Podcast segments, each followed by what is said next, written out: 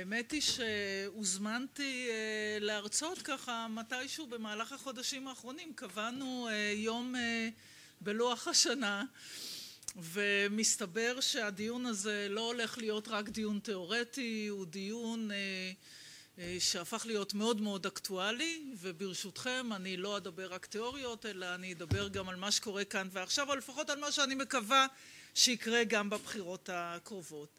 כי עוד שלושה חודשים הולכות להיות בחירות, מחר נצביע בכנסת על התאריך המיועד שזה התשיעי במאי, ד' בניסן, סליחה? באפריל, נכון, ד' בניסן, בתאריך העברי צדקתי.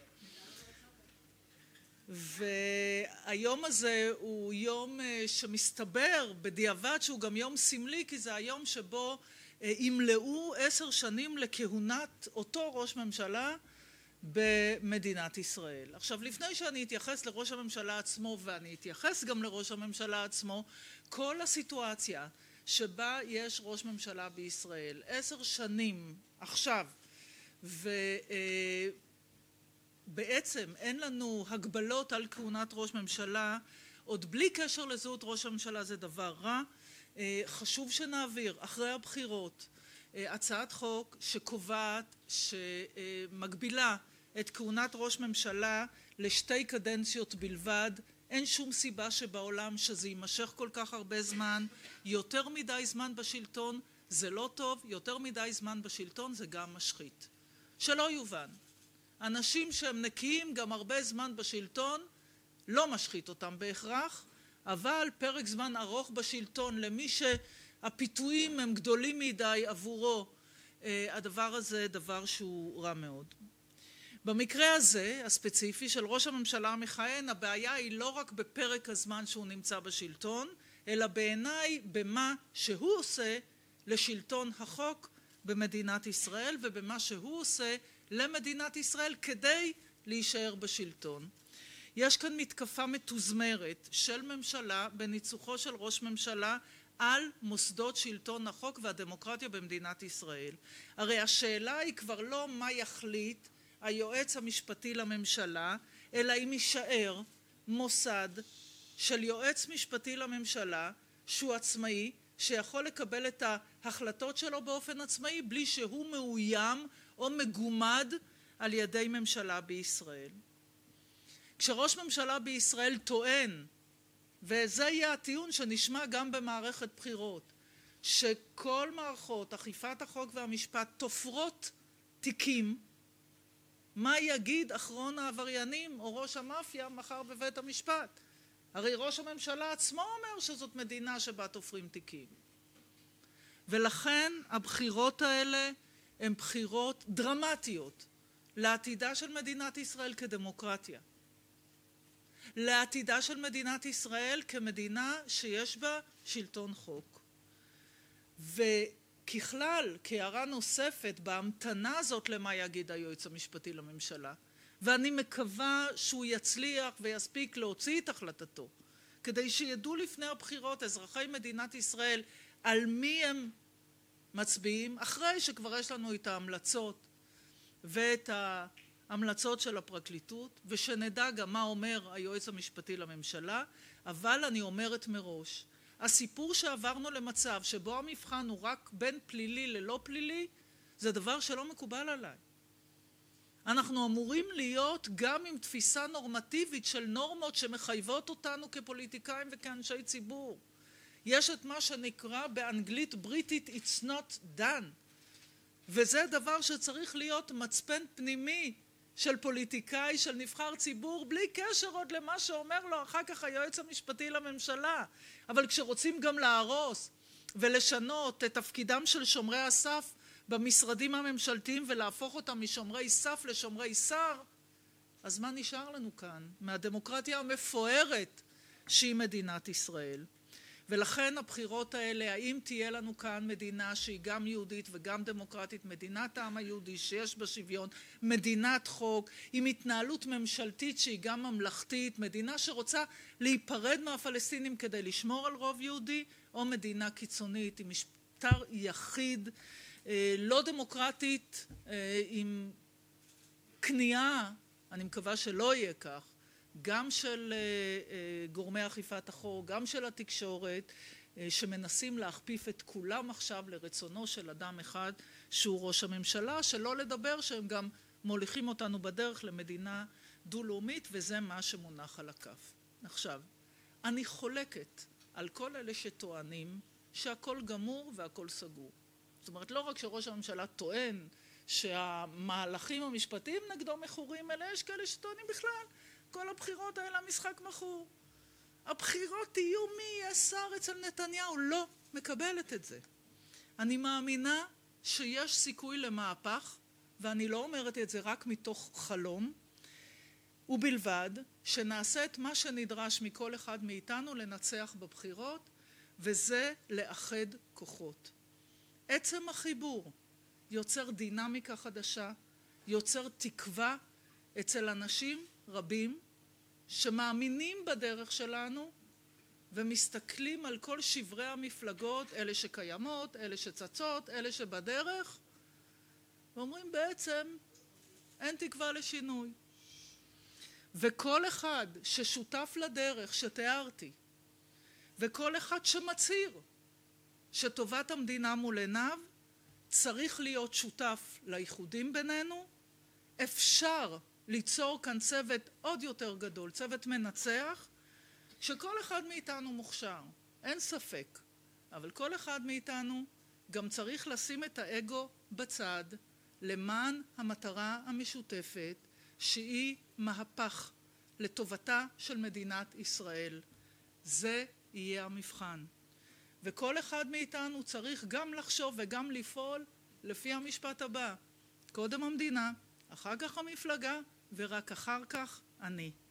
אני הצעתי את החיבורים האלה ב-2013, אני עשיתי את זה ב-2015, הקמנו את המחנה הציוני שיצר תקווה מאוד גדולה, לא ניצחנו את הבחירות, אבל וואו, רחוק מכל מה שחשבו אז שיהיה, כי גם ב-2014 נתניהו ככה פיזר אותנו להנאתו, פיטר את יאיר לפיד ואותי, והלך נונשלנט לבחירות, והגיע ביום האחרון לבחירות למשפט הבלתי נסבל של הערבים נוהרים, כי הוא ידע שהוא הולך להפסיד.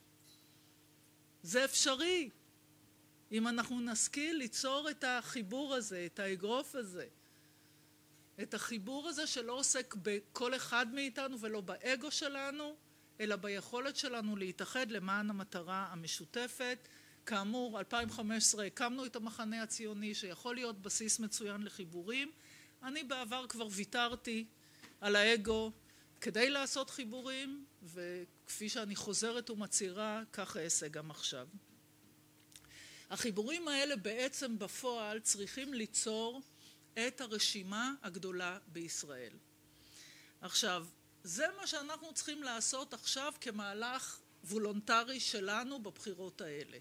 מה שהייתי רוצה שיקרה אחרי הבחירות, שנעביר חוק שקובע שראש המפלגה הגדולה הוא, היא, ראש הממשלה. ברגע שזה מה שנקבע, אז באופן טבעי ייווצרו שני גושים. אני מאמינה שאנחנו צריכים לייצר את זה עכשיו מרצוננו, מתוך הבנה שכך אפשר לנצח. אבל ב... בחקיקה זה מייצר את זה באופן טבעי. אנשים ירצו להתאחד ביחד כדי להיות חלק מאותה מפלגה שגם תקבל את המנדט להרכיב ממשלה שהוא בעצם כבר אוטומטי. בדרך הזאת אנחנו נחסוך לעצמנו את כל מצעד הסחטנויות שקורה לפני הבחירות, אחרי הבחירות, בדרך לנשיא, אחרי הנשיא, כל יום שני בהצבעות אי אמון. הדבר הזה מייצר מצב שבו אין בישראל מפלגת שלטון. זאת אומרת, יש ראש ממשלה שהוא מרכיב את הממשלה, אבל מה שהוא עושה באופן קבוע, הוא בעצם נותן לשותפות הקטנות, הסקטוריאליות, את מה שהן רוצות. ובסוף המפלגה שמקבלת את הכי הרבה מנדטים מייצגת הכי פחות את המצביעים שלה. וברמה, בתפיסה המדינית שלי, מאחר ואני יודעת איפה נתניהו היה כבר, אבל כשהוא משלם כל הזמן לבית היהודי, בעצם זה מזיז את כל הממשלה לימין הקיצוני. ואותו דבר קורה עם החרדים, ואותו דבר קורה עם כל מפלגה סקטוריאלית שיודעת שראש הממשלה להישרדותו זקוק להם. יש כאלה שמשלמים, יש כאלה שלא, ובמקרה הזה יש לנו ראש ממשלה שמשלם באבוה. דרך אגב, תשימו לב שהרצון לשנות את החוק הקרוי חוק גדעון סער לא נועד למנוע את הסחטנות. מילא היה בא ואומר, תשמעו, בואו נלך על איזה אקט שמונע סחטנות. לא, לא, הקטע שבו הוא ישמח להתמסר לסחטנות, כל עוד לא הנשיא הוא זה שיקבע. זאת אומרת, החשש שלו זה לא מהסחטנות, זה סבבה. אבל שהנשיא לא יהיה, יתערב לו במה שהוא משלם למפלגות הקטנות. אני מאמינה שבגדול מדינת ישראל ניצבת לפני שתי דרכים באופן בסיסי ביותר, חלופיות. אחת בווייז הלאומי שלה יש מדינה יהודית ודמוקרטית, אנחנו רוצים לעצור בדרך, להיפרד מהפלסטינים, אנחנו רוצים לשמור על רוב יהודי, אנחנו לא רוצים לוותר על הדמוקרטיה, אנחנו מאמינים שאפשר את שתיהן, גם את היהודית וגם את הדמוקרטית. הדרך השנייה בווייז הלאומי זה ארץ ישראל השלמה, תחנה שעוצרים בדרך זה היפרדות מהדמוקרטיה, אה, בדרך למדינה דו-לאומית, ולכן אנחנו רואים את כל המתקפה על כל שומרי הסף. תוסיפו לזה עולם משתנה, דמוקרטיות משתנות, מנהיגים אה, שמנצלים אה, שנאה וייאוש ופחד על מנת לקבל עוד תמיכה, פופוליזם ששולט בעולם זה לא דבר שקורה רק לנו, אבל חברים, זאת המדינה היחידה שלנו, ועליה אנחנו אה, צריכים לשמור.